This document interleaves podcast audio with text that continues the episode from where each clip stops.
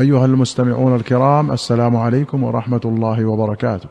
في كتاب الفتن والملاحم وأشراط الساعة أخرج البخاري رحمه الله عن أبي هريرة رضي الله عنه قال بينما رسول الله صلى الله عليه وسلم في مجلس يحدث القوم جاءه أعرابي فقال متى الساعة؟ فمضى رسول الله صلى الله عليه وسلم يحدث. فقال بعض القوم سمع ما قال فكره ما قال. وقال بعضهم بل لم يسمع. حتى إذا قضى حديثه قال أين السائل عن الساعة؟ قال ها أنا يا رسول الله. قال إذا ضيعت الأمانة فانتظر الساعة. قال كيف إضاعتها يا رسول الله؟ قال إذا وسد الأمر إلى غير أهله فانتظر الساعة. وسد أي أسند. والمراد بالأمر أمر الناس وهو الخلافة وما ينضم إليها كالإمارة والقضاء والفتوى والتدريس وسائر المناصب. قاله في مرقاة المفاتيح. وأخرج مسلم عن أبي نوفل قال رأيت عبد الله بن الزبير على عقبة المدينة فجعلت قريش تمر عليه والناس حتى مر عليه عبد الله بن عمر فوقف عليه عبد الله. فقال السلام عليك أبا خبيب. السلام عليك أبا خبيب. السلام عليك أبا خبيب. أما والله لقد كنت أنهاك عن هذا. أما والله لقد كنت أنهاك عن هذا. أما والله لقد كنت أنهاك عن هذا ثلاثا. أما والله إن كنت ما علمت صواما قواما وصولا للرحم. أما والله لأمة أنت شره. أما والله لأمة أنت أشرها لأمة خير. وفي رواية لأمة سوء. ثم نفذ عبد الله بن عمر. فبلغ الحجاج موقف عبد الله وقوله. فأرسل إليه.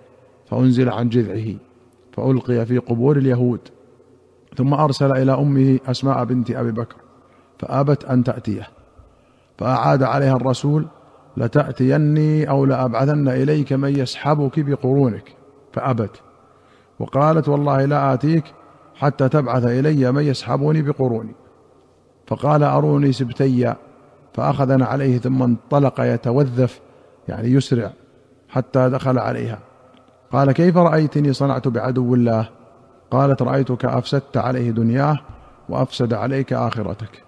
بلغني أنك تقول يا ابن ذات النطاقين أنا والله ذات النطاقين. أما أحدهما فكنت أرفع به طعام رسول الله صلى الله عليه وسلم وطعام أبي بكر من الدواب. وأما الآخر فنطاق المرأة الذي لا تستغني عنه. أما إن رسول الله صلى الله عليه وسلم حدثنا أن في ثقيف كذابا ومبيرا فأما الكذاب فرأيناه وأما المبير فلا إخالك إلا إياه. قال فقام عنها ولم يراجعها. عقبة المدينة هي عقبة بمكة واقعة في طريق أهل المدينة حين يأتون مكة وكان ابن الزبير مصلوبا هناك وقوله لأمة أنت شرها أي لأمة أنت أكثر من وصل إليه شر أهلها لأمة سوء. واقتصر النووي على رواية أمة خير وقال هكذا هو مري عن مشيختنا وكذا نقله القاضي عن جمهور رواة صحيح مسلم ونقله القاضي عن رواة السمرقندي ونقله القاضي عن رواية السمرقندي لأمة سوء وهو خطأ وتصحيف. قال القاري لكن حيث صحت الرواية وطابقت الدراية فلا معنى للتخطئة ثم نفذ أي انصرف. وقوله سبتي السبت هي النعل التي لا شعر عليها. وقوله يتوذف أي يسرع أو يتبختر. وقولها مبيرا أي مهلكا. واتفق العلماء على أن المراد بالكذاب هنا المختار بن أبي عبيد الثقفي وبالمبير الحجاج بن يوسف. قال النووي فيه منقبة لابن عمر لقوله بالحق في الملأ وعدم اكتراثه بالحجاج حيث شهد لابن الزبير بالخير. وأبطل ما أشاع عنه الحجاج من أنه عدو الله وظالم. ومذهب أهل الحق أن ابن الزبير كان مظلوما وأن الحجاج ورفقته كانوا خوارج عليه. ثم ماتت أسماء بعد قتل ابنها بعشرة أيام رضي الله عنهما.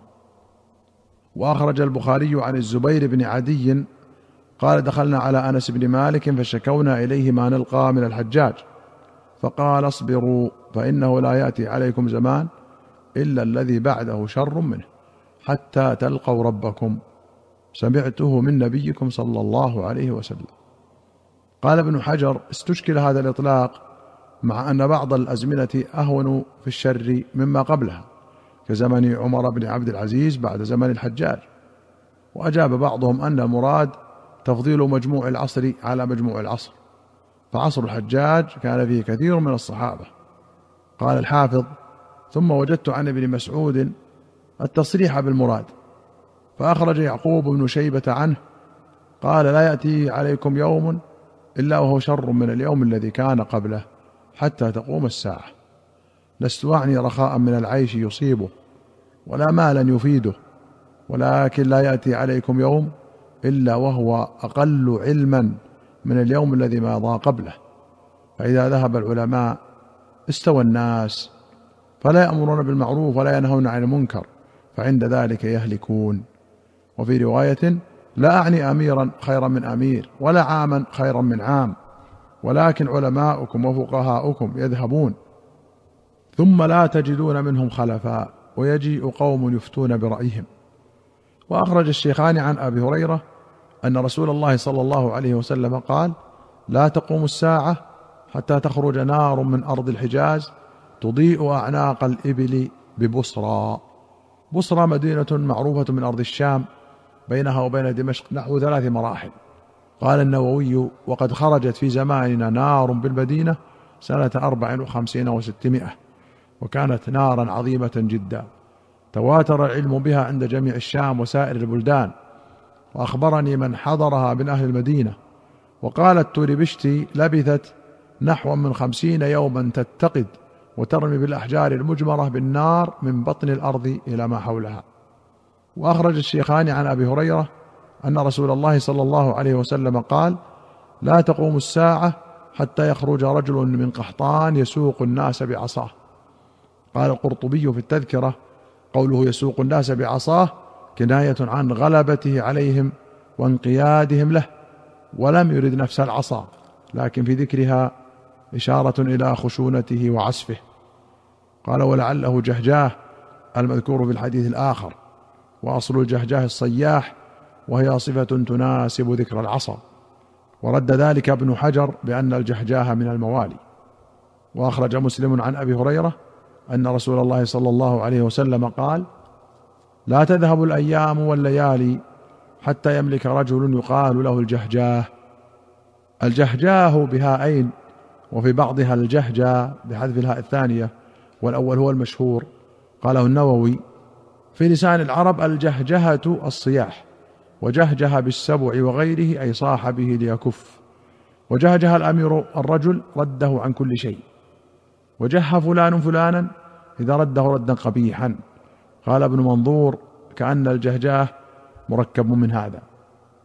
وأخرج ابن أبي شيبة وأحمد وأبو داود والترمذي وابن حبان والطبراني في الكبير بسند حسن عن ابن مسعود رضي الله عنه قال لو لم يبق من الدنيا إلا يوم واحد لطول الله ذلك اليوم حتى يبعث الله فيه رجلا من أهل بيتي يواطئ اسمه اسمي واسم أبيه اسم أبي يملأ الأرض قسطا وعدلا كما ملئت ظلما وجورا. وفي رواية لا تنقضي الدنيا حتى يملك العرب رجل من أهل بيتي يواطئ اسمه اسمي. قال الطيبي لم يذكر العجم وهم مرادون أيضا لأنه إذا ملك العرب واتفقت كلمتهم وكانوا يدا واحدة قهروا سائر الأمم. وقال القاري قوله يملك العرب أي ومن تبعهم من أهل الإسلام فإن من أسلم فهو عربي. أيها المستمعون الكرام إلى هنا نأتي إلى نهاية هذه الحلقة.